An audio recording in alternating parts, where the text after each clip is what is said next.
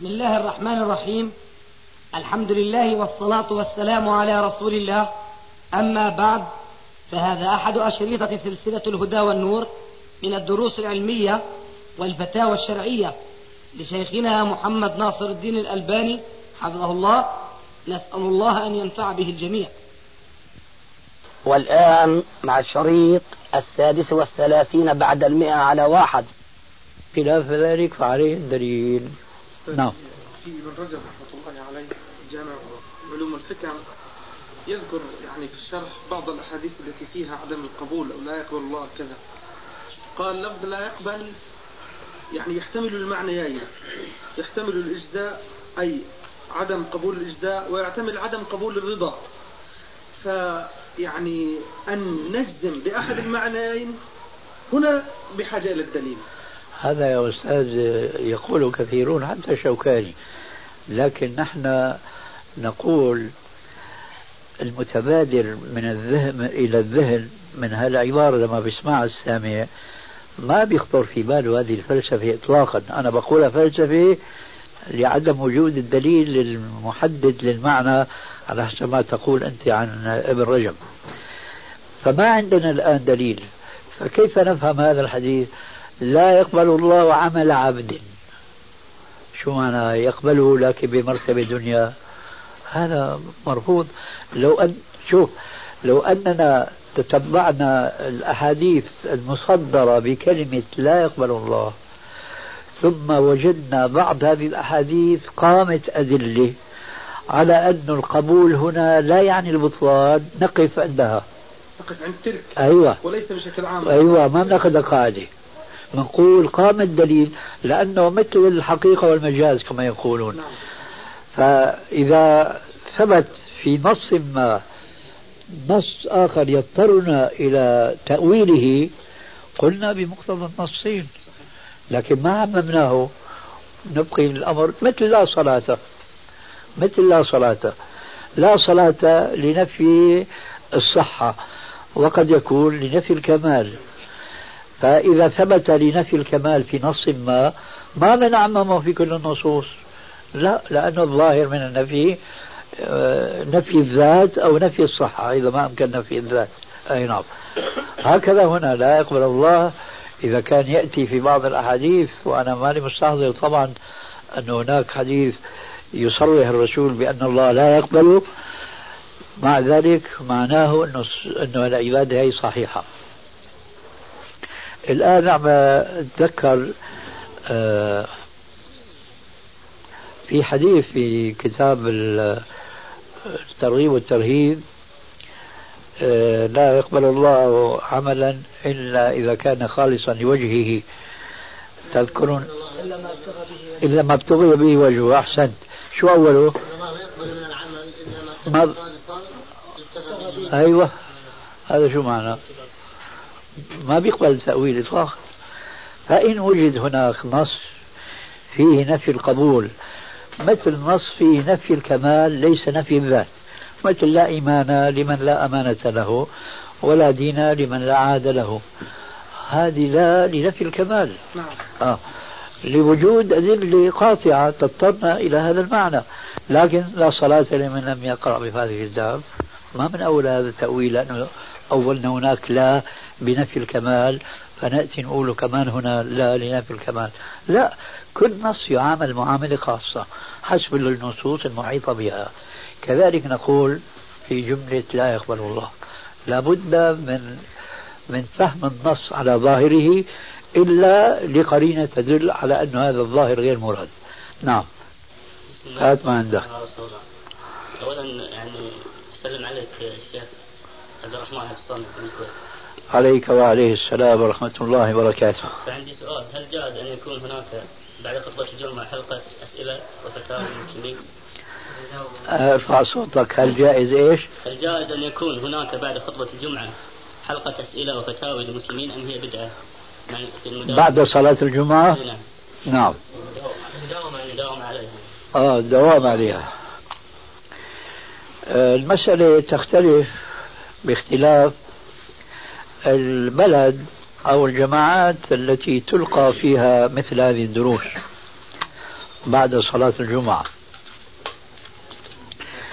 الأصل نحن لا نرى مانعا من تحديد وقت لموعظة أو لدرس ليس في هذا التحديد مخالفة للشريعة أو لنص بشرط أن يكون مستقرا في أذهان المحاضرين أو الملقى عليهم الموعظة والدرس أن هذا الاجتماع في هذا الوقت ليس هو لخصوص هذا الوقت وإنما لمناسبة الوقت للحاضرين من المدرس والمدرس عليهم. إذا كان هذا المعنى آه، قائما في أذهان هؤلاء فلا مانع من ذلك أبدا ولا يجوز تسميته بدعة لأن النبي صلى الله عليه وسلم كما يقول عبد الله بن مسعود كان يتخول أصحابه بالموعظة. وكان ابن مسعود لذلك يحدد لهم يوما يلقاهم فيه. أظن مذكور في الأثر عن ابن مسعود بأنه يوم الخميس. فإذا الجواب يجوز إلا إذا كان يخشى أن يفهم أن هذا التوقيف تعبدي.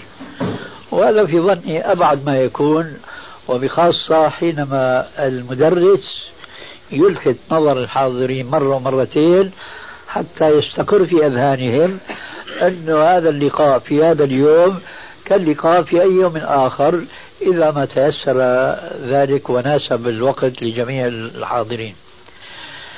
غيره.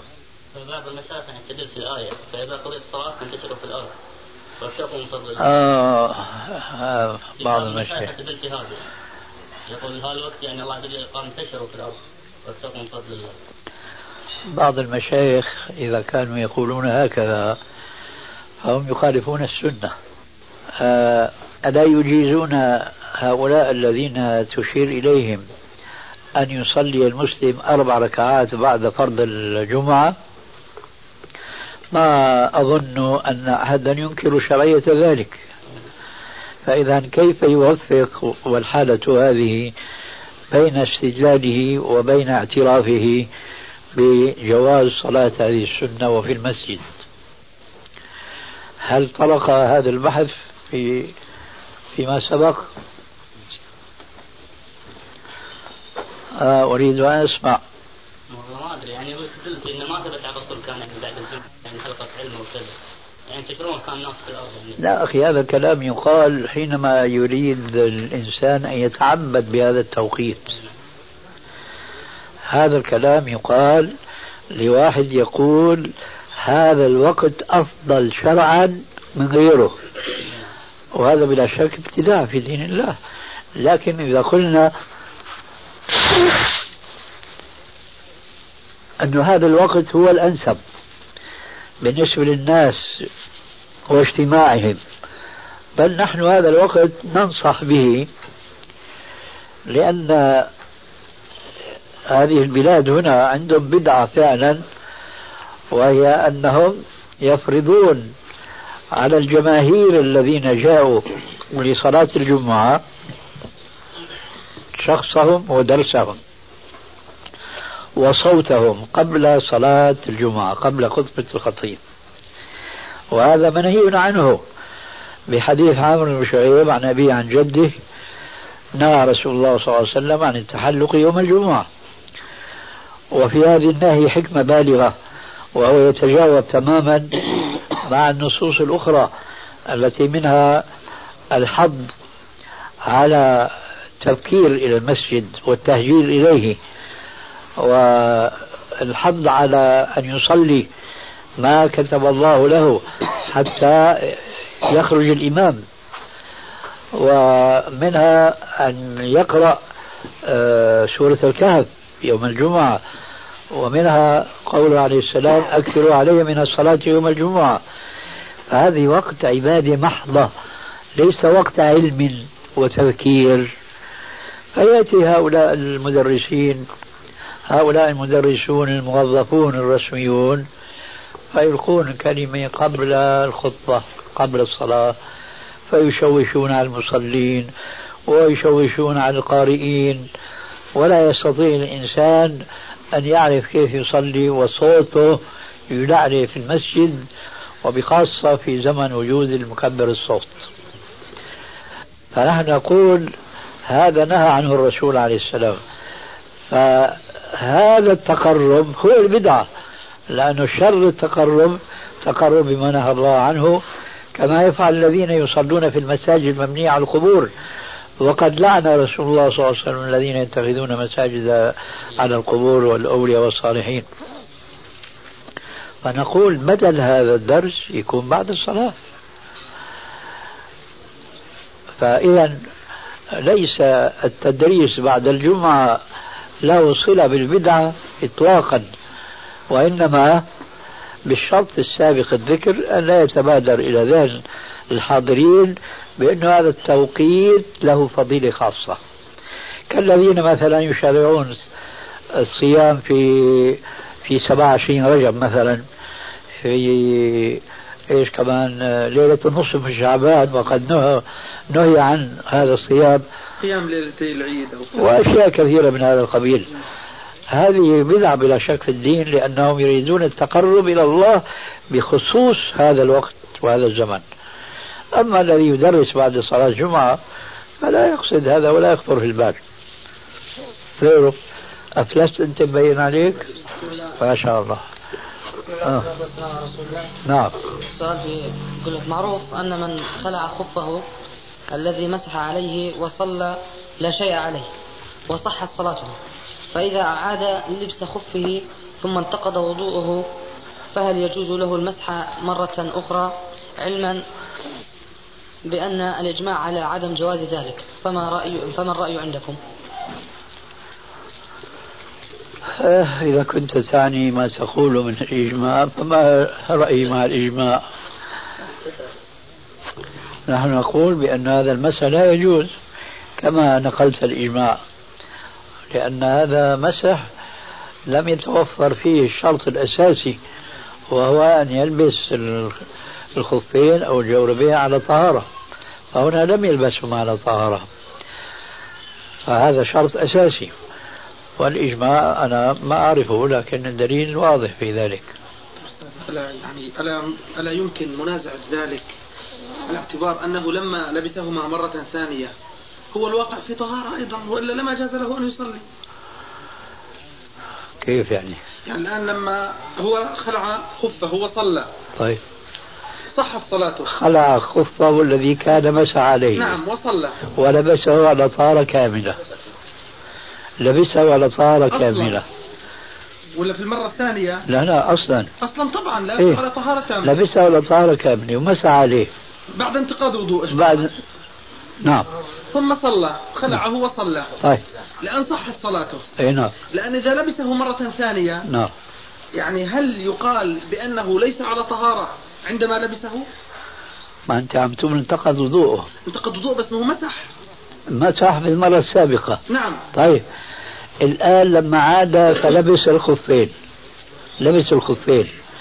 هل لبسها على طهارة كاملة؟ ليس على الطهارة الأصلية ولكن على طهارة المسح طيب يعود السؤال نفسه بطريقة أخرى طهارة المسح طهارة كاملة؟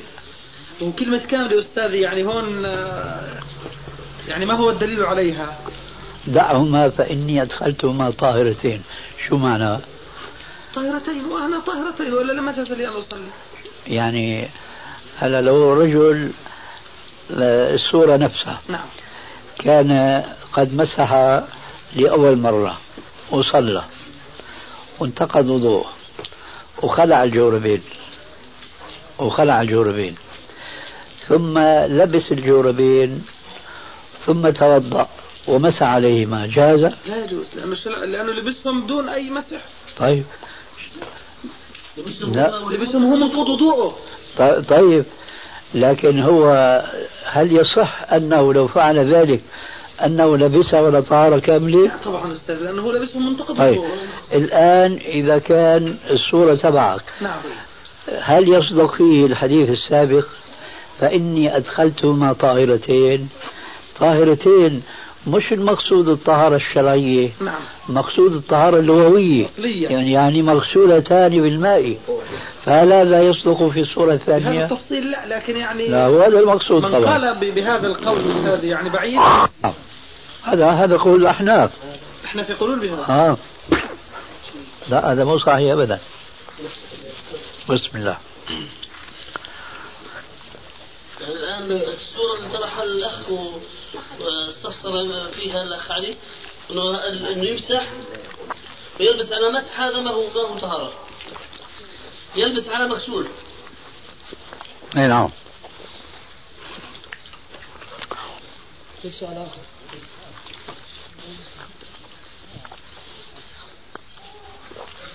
الصورة السابقة. نعم.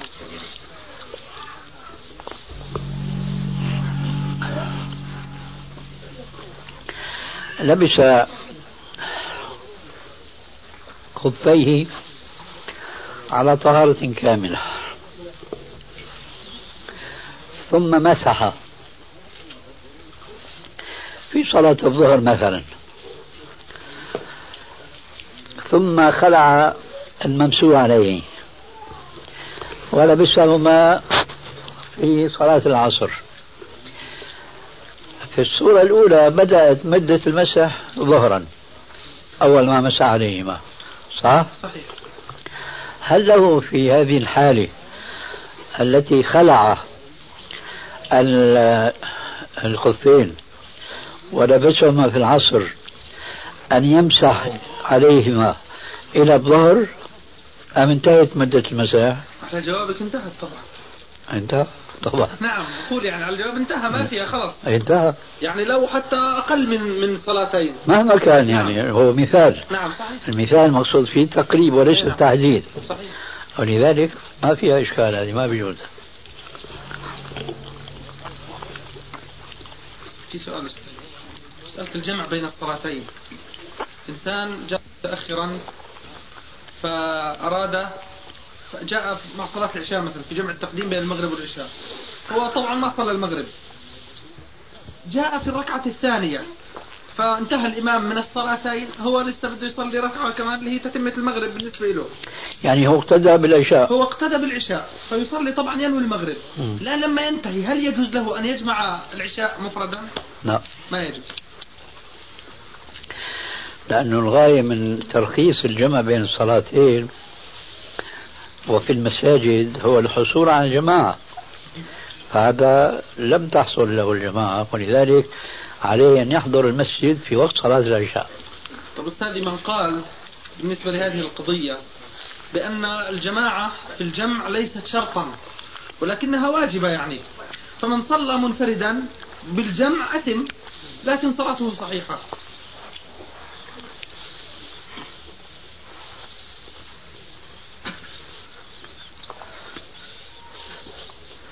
في مغالطة في الموضوع.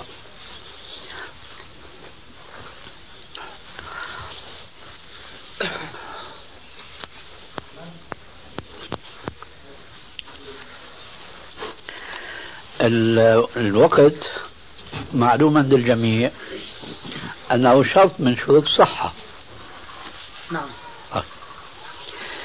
هذا الشرط ينبغي أن يظل في أذهاننا وأنه لا يزول هذا الشرط إلا بدليل شرعي. جاء الدليل الشرعي في إلغاء هذا الشرط في بعض الصور منها الجمع في حالة الإقامة. إما جمع تقديم أو جمع تأخير. هل هذا الجمع في الصورة التي مثلتها آنفا يجوز للمنفرد الذي يصلي في بيته؟ هذا لازم قول الذي يقول بهذه الصورة التي مثلتها يعني يجوز يجيزها. طيب هذا كيف يجوز؟ ما دام ما دام أن الجمع لا يجوز له. كما لو صلى في أي وقت من الأوقات جمعا بين الصلاتين. ليس هناك حاج وليس هناك سبب شرعي موجب للجمع. كالمطر مثلا والخوف والسفر والى آخره. لا شك أنه هناك اتفاق بين العلماء أنه إخراج الصلاة عن وقتها بدون عذر شرعي وهذا الجماع من الأعذار الشرعية نعم. إيه فإذا كان هو لا حرج عليه من أداء كل صلاة في وقتها. في البيت جنب الصوب مثلا أي أو كذا. وإلى آخره من من ذلك من أمثال. ثم هو جمع. كيف يقال أن هذا ليس شرطا بالنسبة إليه؟ لا هذا إلغاء. إلا إذا كان في عنده شيء من التشيع يرى أن التقرب إلى الله بالجمع بين الصلاتين في أيام السنة كلها نكاية بأهل السنة. وليس هو ومثل ما بيقولوا إن شاء الله. ومثل ما بيقولوا عندنا بالشام ما أدري عندكم موجود. نكاية بالطهارة شخ في الباسو. عرفتوا تقولوها؟ بس يا شيخنا نفس الصورة اللي الأخ علي. بدنا نضيقها ونحصرها في من جاء متأخرا. ما هو جابها في المتأخر. آه، يعني إليها سأرجع. ارجع. أيوة. هذا الذي جاء متأخرا يعني هو فرح ومسرور جدا أنه الإمام هذا سيجمع وسيأخذ بالرخص. يعني يريد أن يأخذ بالرخصة. فهو تأخر قليلا. ففاتته الصلاة الأولى فإن هذا التأخير يعني يحرم من هذه الرخصة؟ الرخصة لماذا هي شرعت؟ قلنا حرج. قل لا أراد أن لا يحرج أمته الله يسامحك. آمين. الحديث هذا الذي أنت تستدل به الآن ليس هذا محله. نحن قلنا آنفا. لو أراد رجل يجمع في بيته يجوز؟ قلنا لا. يجوز قلت ولا قلت؟ قلنا. يعني قلت. هو هيك بريد ولذلك أنا. قلنا. أنت بتقول معنى هيك؟ إذا قلت معنى هيك سقط كلامك كله. أقول يعني في من جاء متأخرا فهذا الوقت القليل. ما تعيد ما ما ما تعيد عليه. ما تعيد عليه كلامك. يعني يكون منفردا؟ إذا صلى في بيته نعم. هل له أن يجمع؟ لا يجمع. لا يجمع. لماذا؟ لأنه لا حرج لديه.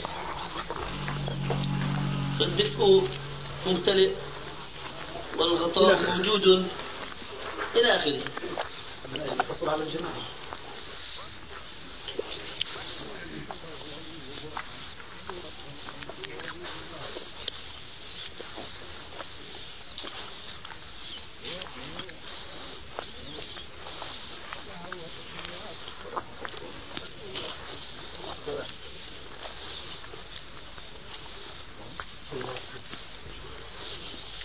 هذه الجملة عم تقولها أنت. علة للحكم ولا أي جملة؟ لا حرج. نعم. علة تامة ولا ناقصة؟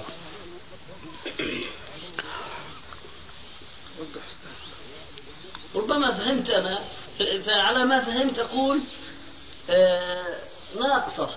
علة على ما فهمت. عرفت. فالعلة الناقصة تستقل بالحكم الشرعي. لا تستقل. إذا لكنني أريد أن أقول أنا هذا الذي فهمته قل ما تشاء. يعني كما تريد مني أن أفهم. لكن الآن أريد أن أفهم كما أريد أنا أن أفهم. وأنا أريدك أن تفهم كما تريد أن تفهم. نعم. لماذا لا نقول. أنها يعني علة كاملة؟ تفترض أنها علة كاملة. لماذا لا نقول ما هو المانع ما بإمكانك. بدليل أنك تفرق بين الرجل يصلي في بيته لوحده أو في حانوته وبين الرجل يصلي في المسجد. فتقول الذي يصلي في المسجد يجوز له الجماع نعم. والذي في البيت لا يجوز له الجماع. نعم. فإذا وهذا باعتبار أنها علة تامة. فهو في البيت لم يتحصل على العلة وهي الحرج. هذا هو. أي نعم. آه. والذي في المسجد آه. آه، مشى هذه المسافة طيب. ووقع في الحرج. جميل. يجمع بين الصلاتين. لا بس الذكر الذكر في المسجد المقصود فيه الجماعة. في البيت في البيت قد يكون في انفراد وقد يكون في جماعة. نعم ولكنها ليست كجماعة المسجد. آه. هذا اللي مستقر في أذان الجميع. نعم.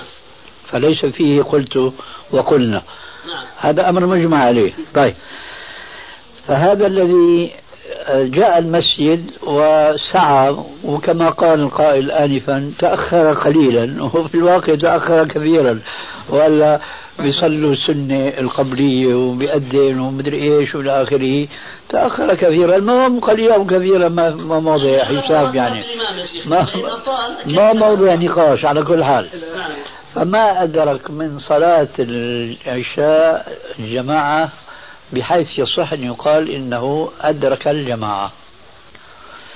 فإذا هنا صار زلل ناقصة لأنه شرعت الجماعة الجمع بين الصلاتين للجمع بين الفضيلتين فضيلة الجماعة الأولى وفضيلة الجماعة الأخرى. فهذا الذي لم يدرك إلا الجماعة الأولى لم يدرك الفضيلتين فلم تكن يعني إدراكه كاملة. شأن من يجمع الآن نقول في البيت بين الصلاتين ولو جماعة ولو جماعة نعم ولو جماعة أه هذا ما يصح له أن يجمع. كذلك وإن كان هذا خير من ذاك لكن هذا خير من ذاك بنصف القيمة الثوابية يعني لأنه أدرك الجماعة في الصلاة الأولى. وما أدرك الجماعة في الصلاة الثانية. حصيلة هذا الفرق أن هذا الإنسان آه، يستطيع أن يتدارك ما فاته من صلاة الجماعة في الفريضة الثانية في أن يحضر المسجد في وقت هذه الصلاة. نعم. هذا بالإمكان. يستطيع ذلك. طيب. أنا بجيب لك صورة أن هذا الرجل إذا صلى في المسجد وحده كما لو صلى في البيت وحده. صح ولا يدر قائما وهو في داره فيجوز له أن يصلي في داره. ويكون قد جاء بالسنة. جاء بالسنة. نعم. الصلاة في الرحال الصلاة في الرحال. وإن كان زال ذاك السبب فيظل الأمر حي على الصلاة متوجها بالنسبة إليه. لأنه هو ما أدرك صلاة الثانية مع جماعة المسلمين حينما جمعوا بين الفريضتين. ولكن ما حكم صلاة من يجمعون يا شيخنا؟ آه من يجمعون بها؟ الصورة هاي؟ طبعا هذا خطأ لازم ما, ما يجمعوا. فإذا سئلنا عن مثل هذه الصورة بيكونوا صلوا صلاة قبل وقتها. فيعيدونها في وقتها. أي نعم. لازم ينزلوا المسجد ويصلوا مع الإمام. حتى هذا البحث أثير مع أخونا علي الشيشاني. لما ذكرت له أنه هذا لازم يرجع للمسجد ويصلي مع الجماعة في وقت صلاة العشاء. قال لي ما في إمام قلت له لا الإمام لما بيجمع بين الصلاتين لازم يحضر في الوقت حتى إذا كان ناس ما صلوا جمعا بيجوا يصلوا في الوقت المشروع نعم. قال لي والله لأول مرة أنا سمعت هذا الكلام وهو إمام تعرف أنت نعم. قلت له هذا مثل ما فعل الرسول عليه السلام لما اجتمع صلاة الجمعة وصلاة العيد في نعم. في عيد فطر أو أضحى نعم. وقال إنه اجتمع في يومكم هذا عيدان فمن شاء أن يحضر فليحضر وأنا مجمعون ومن شاء فلا يحضر. فهو بيقول لك نحن بدنا نجمع الناس يعني في وقت صلاة الجمعة. شو الحكمة وراء ذلك؟ لأنه رب ناس ما أدركوا هذه الصلاة صلاة العيد مع الرسول عليه السلام. فلا صلاة عيد ولا صلاة جمعة ما بيصير. فلازم الرسول عليه السلام يبين للناس إنه الإمام لازم في الوقت اللي بيجمع بين الصلاتين كمان إيش؟ بده يحضر في صلاة الجمعة في وقتها المحدد مشان يتدارك الرجل اللي فاته مثل هذا الجمع. ويصلي بهم أيضا. ويصلي بهم. تكون نافلة. نعم. تكون نافلة. لا يلتفت والله هذا جمع وانتهى يعني إنما يؤمر بالإعادة. أي نعم وعليكم السلام. يؤمر بالإعادة من باب إيش؟ جمع المسلمين في أوقات الصلوات المعهودة. نعم. لأنه كل واحد يقطع بأنه مو كل إنسان حضر الجمع هذا بين الصلاتين؟ صحيح ولا لا؟ نعم آه. كثير من الأئمة بروحوا ها؟ كثير من الأئمة بروحوا فهذا من نبه لما يروحوا هذه مسألتان لهم ارتباط في هذا البحث. الأولى جمع المنفرد لغير عذر المطر. الذي به يعني جاز الجمع في المسجد. أو طبعا البرد أو يعني الأعذار المعروفة التي يجمع بها لها المسلمون. هل يجوز استدلالا بعموم حديث ابن عباس؟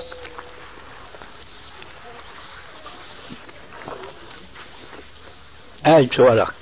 جمع المنفرد لغير عذر المطر أو شدة البرد التي يعني يجمع الناس في المساجد بسببهما. هذا اللي فهمته أنا أشكل عليه وإن كان قصدك مفهوم. نعم. أنت بتريد تقول جمع المنفرد لعذر غير عذر. طالما أنك فهمت إذا فليكن هذا. بس بدنا نفهم الحاضرين لذلك أنا أريد- أنت تعني هذا يعني. نعم.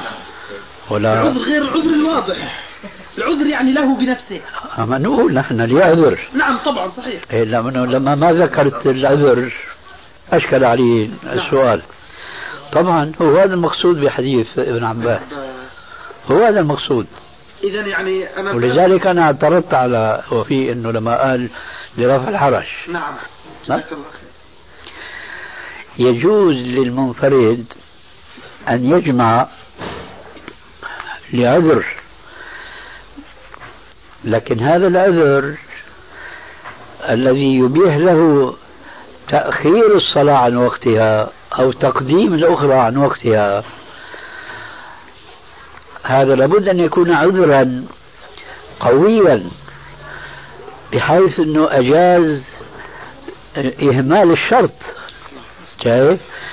فمن من باب أولى راح يجيز هذا العذر إهمال الواجب الذي ليس بشرط. صحيح. أعني إهمال الوا- ال- الواجب وهي في المسجد. إذا إذا إذا تصورنا إنسانا له عذر في أن يترك صلاة الجماعة في مساجد المسلمين ثم كان هذا العذر يوجب عليه بأن يجمع بين الصلاتين فهنا يأتي حديث ابن عباس. قال أراد أن لا يحرج أمته. كالمرض أي. مثلا البول مثلا المستحاضة مثلا مرض. إيه لا نجيب أمثلة واقعية أكثر كشرط المرور مثلا. نعم كان العسكري المجبور الذي لا يجد الوقت أن يصلي كل صلاة في وقتها نعم وعلى ذلك فقط المواصلات في القاهرة مثلا أو كذا. يعني ساعتين لما الواحد يصل إلى بيته مسافة آه قريبة. أي نعم. يعني كثير أمور تقع هذه المنفردين أستاذ المسألة الثانية. آه. انتهيت يعني أي نعم. بالنسبة للمتأخر نرجع للمتأخر لكن بصورة أخرى. طيب. أتى إلى العشاء في بدايتها. فدخل مع الإمام بنية المغرب. هذا يجمع. يجمع. أي نعم. خلاص انتهى طب إذا كان التأخر بعذر. اخواننا بدناش ننسى اخواننا الكويتيين يعني هذه يعني صورة عليك. إذا كان التأخر جزاك الله خير. إذا كان التأخر بعذر هل يجمع؟ يعني كان مثلا يدافع الأخبثان يجمع وين؟ في المسجد. مثلا العشاء مثلا صلى مع الإمام. ما سبق الكلام. بيجمع مع جماعة ولا وحده؟ وحده. حكينا ذيك ساعة يعني. لما هو أنا فهمت إنه التأخر يعني بدون قصد بدون آه، يعني عذر.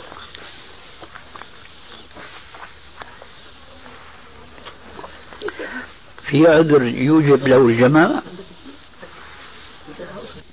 العذر عذران. عذر يبرر له ترك صلاة الجماعة. لكن هذا لا يكفي له عذرا للجمع بين الصلاتين مفهوم هذا الكلام عندك؟ طيب إذا لازم يكون العذر يقتضي له أن يجمع بين الصلاتين وليس فقط أن تفوته صلاة الجماعة واضح؟ أحيانا يأتي إنسان شيخنا فيصلي العشاء جاهلا قبل المغرب لم تقولون ما لا تفعلون بس هذا أخيرا جزئية اخيره إن شاء الله ما ننتهي وقع في قلبي هذا قبل ما. أنا كنت أتوقع كمان هذا بس هذا اخير الشيء ما الجماعة الكويتيين لكن لكن الظاهر أنت شاعر بشعوري إنه جماعة افلسوا ما عاد في عندهم شيء هلا لا في سؤال هون إذا هبت رياحك فاغتنمها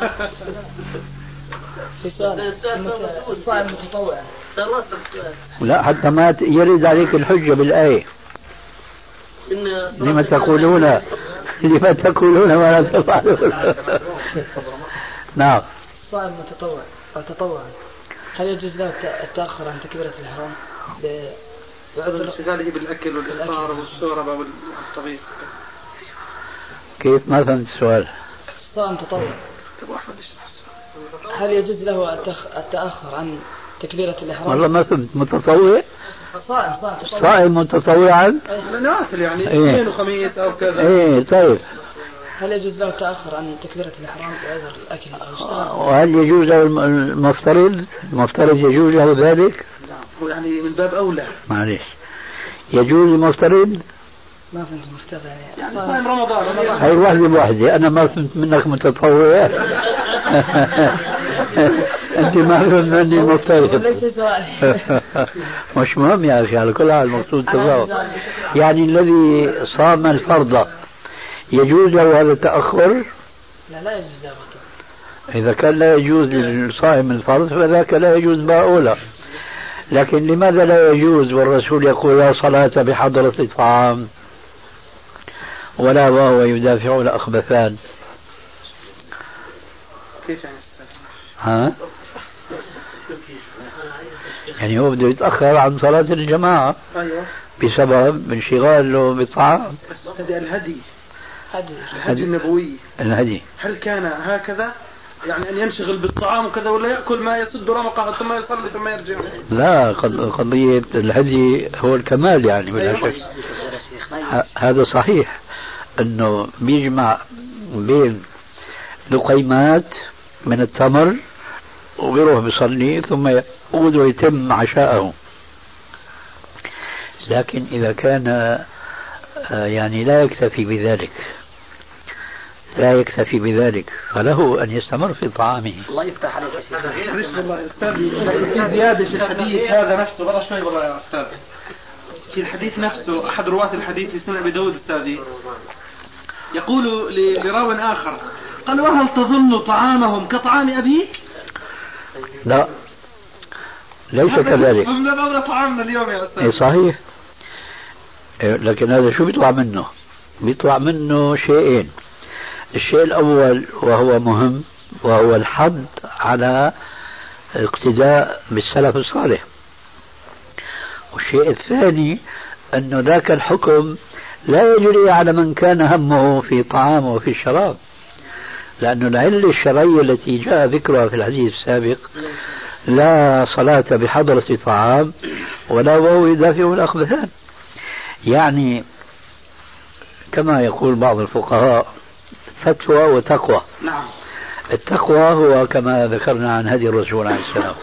لكن فتوى إذا كان واحد باله مشغول في الطعام يأكل. يأكل. يعني فكر حالك يا شيخ على واقع ناهيك على إنه في رمضان بيأخروا الصلاة صلاة المغرب. كيف؟ صلاة المغرب في رمضان بيأخروها حتى يتمكن الصائم من أكل ثمرات وفي نفس الوقت يشرب بجرعة من الماء. بينما في غير رمضان ما في تأخير للصلاة. فالصائم المتنفل آه، إذا أراد أن يأكل ثمرات ويشرب ماء لا يدرك تكبيرة الإحرام مع الإمام. نفس الشيء هذا ما يرد علي يرد هون يمكن ماهر معك يا أستاذ ها؟ معك معي نعم بس هو عم يوجه الكلام إلي بينما لازم يوجه لغيري ها؟ حققه نعم يعني ما لا صلوا في رحالكم هذه سنة في هذه الأيام مهجورة فلا يفعلها المؤذنون فلو كان هنالك في ليلة مطيرة أو باردة وصليت في البيت. هل أثم أنا من ترك صلاة الجماعة؟ سبق الجواب بارك الله في سؤال شيخ. حديث الجامع. وهو صلاة أحدكم في بيته خير من يعني أي النافلة خير من صلاة في مسجده هذا. وفي حديث آخر صلاة أحدكم في بيته خير من الصلاة في المسجد بسبع وعشرين درجة.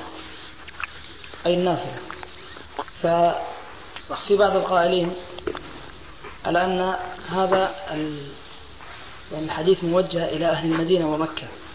أما غيرهم إذا ذهبوا إلى هناك للعمرة وغيرها يصلون في مكة والمدينة للأجر العظيم الذي ذكره النبي صلى الله عليه وسلم من النوافل. ما الدليل؟ الرأي. الرأي. نريد ربنا. جاء الرب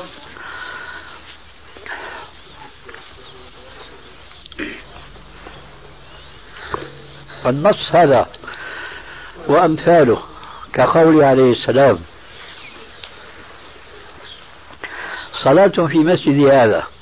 لا خلاص الجو دافي جزاك الله خير. صلاة في مسجد هذا بألف صلاة مما سواه من المساجد. إلا المسجد الحرام هذا خاص بأهل المدينة ولا عام؟ في إشكال؟ طيب وذاك الحديث الذي قرأته من الجامع الصغير خاص ولا عام؟ على الرأي الذي نتبناه عام عام إذا إيش فائدة؟ كنت أود ولا أود ما أوده أن تتبنى ذاك الرأي لحتى نعرف ناقشك لكن متى ما دام أنت معنا في هذا فمن الذي نناقشه؟ نرد على هذا الذين يقولون هذا قول الآخر عرفت الرد. كما قلت يا شيخنا هو الرأي هناك فقط. عم نقول مدة الحديث عام. هذا هو الرد. ما في عنده جواب أبدا. يعني الجواب إذا كان عنده جواب أنه يخصصه. هذا مستحيل وجوده أردت أن أقول صلاة في مسجدي هذا. ذهب أحدنا إلى المسجد النبوي. وأراد أن يتنفل. هل أفضل له أن يتنفل في منزله أم في مسجد نبيه؟ الحديث الذي ذكرناه في بيته. أنا ما أسألك عن الدليل أسألك عن الذي تعتقده وتتبناه فإن احتجت إلى الدليل سألتك عنه غير متردد. وإذا أنا كنت في غنى عنه فأنت تستريح وأنا مستريح. في بيته في بيته وأولئك يقولون ماذا؟ في المسجد؟ إذا هم مخطئون يخصصون الأحاديث العامة بالأهواء والآراء. عكسوا أه؟ لعلهم عكسوا فخرجوا بهذا النسب هات نشوف كيف عكسوا. يعني قالوا إنه الحديث صلاة في مسجد هذا أفضل من ألف صلاة في سواه. إيه؟ فهذا اللي يحمل على الأحاديث الأخرى أو كلها تحمل عليه. ما هي الأحاديث الأخرى؟ لي يعني صلاة أفضل صلاة الرجل صلاته في بيته في المسجد إلا المكتوبة. في بيته إلا المكتوبة. هذا معنى. كيف؟ ضدهم. أي ضدهم. والعكس ليس معهم. معنى ضدهم. نعم. أي فإذا فإذا أقول لك كما قال ابن عمر اجعل لعل عند ذاك الكوكب. في سؤال آخر. آه، الجهاد في أفغانستان. وإذا بالأخص كان هناك جماعة أصحاب عقيدة صافية أصحاب معتقد سلفي. وهل يكون الجهاد في أفغانستان فرض عين؟ فرض كفاية؟ هو فرض عين كانوا أو لم يكونوا. واضح؟ طيب. طب في بعض المشايخ يقولون ما دام ليس هناك جماعة ذات معتقد صحيح ف أصلا لا يرون الجهاد تحت رايتهم لأنهم ليسوا أصحاب أنا أعجب من مثل هذا الكلام. هذا الكلام أخي يقال في الجهاد اللي هو فرض كفاية. يعني الجهاد الذي يراد به نشر الدعوة. أما هذا جهاد دفاع عن بلاد المسلمين. وقد غزاها العدو الملحد.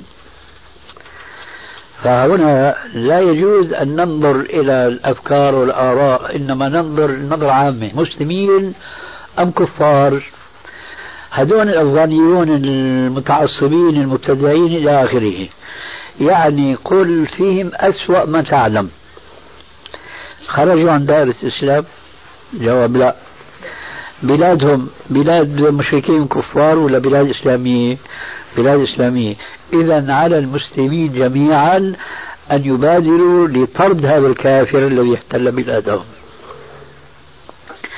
لكن قام ناس في في دولة اسمها دولة إسلامية اسما وقاموا جماعة ورفعوا راية الجهاد.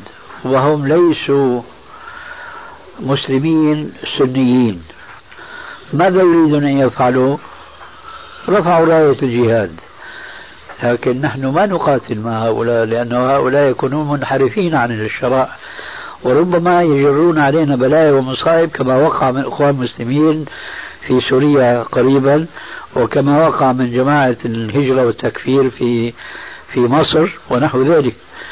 هذا نحن نقول مثل جماعة الفتح مثلا اللي ما رفعوا راية الإسلام بل قال قائلهم بأنه آه، سنجعل الحكم هناك علماني إذا صار يعني لهم دولة. أما بلاد غزيت والطريق لذهاب المسلمين من كل جانب وصوب مفتوح هذا لا ينبغي أن ننظر هذه النظرة الضيقة أبدا. مع ذلك فأنا إلي رأي خاص بأن هؤلاء الناس إذا ما ذهب أمثال أولئك الذين أشرت إليهم من أصحاب العقيدة الصحيحة إذا ذهبوا إلى هناك فهم في جهادين. فأجرهم أكثر جهاد مع الكافر الذي يغزو بلاد الكفار المسلمين وجهاد مع هؤلاء المسلمين الذين ابتعدوا عن سنة سيد المرسلين. هذا يكون أجر أكبر بلا شك وأعظم. ونسأل الله أن يهدينا جميعا. أعطيهم خبر والله أبو ليلى. تفضل. هو إذا كان فرض عين وبعد ما عرفنا من الجواب هل يكون استئذان الأهل ما يكون. ما يكون الاستئذان الأبوين يكون في الفرض الكفائي ولكن ما من عام إلا وقد خصه أه نحن بمثل هذا السؤال نجيب هذا الجواب العام أن الأبوان لا يستأذنان لكن بلا شك قد يكون أبوان في وضع يعني يتعرض الولد ليقع في ارتكاب محرم من حيث يريد أن يفر من وقوع في محرم وهو الإعراض عن الجهاد في سبيل الله. فإذا افترضنا والدين شيخين كبيرين أو مريضين وليس لهما من الولد من يخدونهما سوى واحد. هذه الصورة ما يقال أنه يستأذنان ولا لا لو أذن له لا ينطلق لأنه في جهاد معهما. لكن خذ صورة مقابلة لهذه الصورة تماما. والدان في عز قوتهما ونشاطهما ولهم من الأولاد ما شاء الله فإذا ذهب أحدهم للجهاد في سبيل الله ما يستأذنهم ولا يصاحوا وعولوا وناحوا. عرفت كيف؟ هكذا. وصلتني رسالة من شقيقي يقرئك فيها السلام. عليك وعلى السلام. عن أثر عن ابن عن أنس بن مالك قال كنا نؤمر إذا صلينا من الليل أن نستغفر في آخر السحر سبعين مرة. يسأل عن هذا الأثر هل هو صحيح؟ ليس بصحيح. ليس بصحيح. جزاك الله خيرا. وإياه هلا بآخر الزمان جيد؟ معلش. أه. نعم. نعم. بالنسبة لجهات أفغانستان قلنا أنه فرض عين يعني ونحن عندما ذهبنا في هذا المشوار إلى الرياض. أيه؟ سمعنا أخبار يعني عجيبة جدا. وهي؟ يعني الشرك والبدع. ما هو أشار إليها الأخ؟ وأجبنا نحن أنه اللي بيروح هنيك بيجاهد بيجاهد في جبهتين. يعني الحكم هو هو فرض عين الظاهر أنت ما انتبهت للجواب. وله أجر وله يعني أجران. فهمت؟ أجر مشاهدة البدع وأجر مشاهدة الكفار طيب؟ أعطيتم خبر؟ يا الله سبحانك اللهم وبحمدك. أشهد أن لا إله إلا أنت. خمسة النساء يطلع أفضل بس في سؤال أخير. نعم. سؤال أخير. تفضل. هذا الذي يدور في في الكويت أو يدور يعني السؤال والنقاش حوله في الكويت خاصة عندنا. وهو فتوى بعض المشايخ بأنه يجوز يعني اللجوء إلى المصالح المرسلة وغيرها آه، وخاصة في هذه الأيام وهي دخول بعض الشباب في في مجالس الأمة وغيرها وفي التجنيد أو الجيش والشرطة لكي يغيروا الفساد الذي واقع في هذه في هذه الأماكن وأيضا يبيحون له لهم حلق اللحية وغيره. إيه هذه يسمونها مصالح مرسلة؟ لا ليس مصالح مرسلة إنما صالح مصالح. أنا أردت كلمة أخرى ولكن أي صحيح. الحمد لله. يعني ما بيسموها مصالح مرسلة. لا ولكن رد عليهم شيخ. نعم الرد عليهم إنما عند الله لا ينال بالحرام. تعرف هذا الحديث؟ عرفناه الآن. يا أيها الناس آه، اتقوا الله. وأجملوا في الطلب فإنما عند الله لا ينال بالحرام. دعوا ما حرم خذوا ما حل ودعوا ما حرم. وهذا مستقى من قوله تعالى مقتبس من قوله تعالى ومن يتق الله يجعل له مخرجا ويرزقه من حيث لا يحتسب. وأنا أتعجب من بعض إخواننا الطيبين الذين يصدرون مثل هذه الفتاوى وهي خلاف نصوص الكتاب والسنة. ربنا يقول إن تنصروا الله ينصركم. فهل يكون نصر الله بمعصية الله؟ بمخالفة ما أقول آه، سنة رسول الله لأنه هذه السنة لها معنى اصطلاحي. يعني السنة اللي قال عنها الأعرابي والله يا رسول الله لا أزيد عليهن ولا أنقص. يعني ما بده يصلي شيء من السنن. هل يكون نصر الله من عباد الله لينالوا نصر الله لعباد الله بمخالفة أوامر رسول الله صلى الله عليه وسلم؟ والله أنا أتعجب كل التعجب من مثل هذه الفتاوى التي نسمعها. وليت أن هذه الفتاوى كانت من ناس ليسوا معنا على الخط على الكتاب والسنة. لقلنا هؤلاء من أهل الرأي. يقولون ما يشتهون. لكن عهدنا ببعض هؤلاء الذين تبلغنا مثل هذه الفتاوى أننا مع معنا الخط على الكتاب والسنة. فإذا كان نصر الله بنصر أحكام الله فكيف نطمع أن ننال نصر الله بمعصية أحكام الله عز وجل؟ ابتداء ابتداء. أول خطوة نمشيها نخالف فيها أوامر الله بحجة إيش؟ الحصول على نصر الله في المستقبل القريب أو البعيد.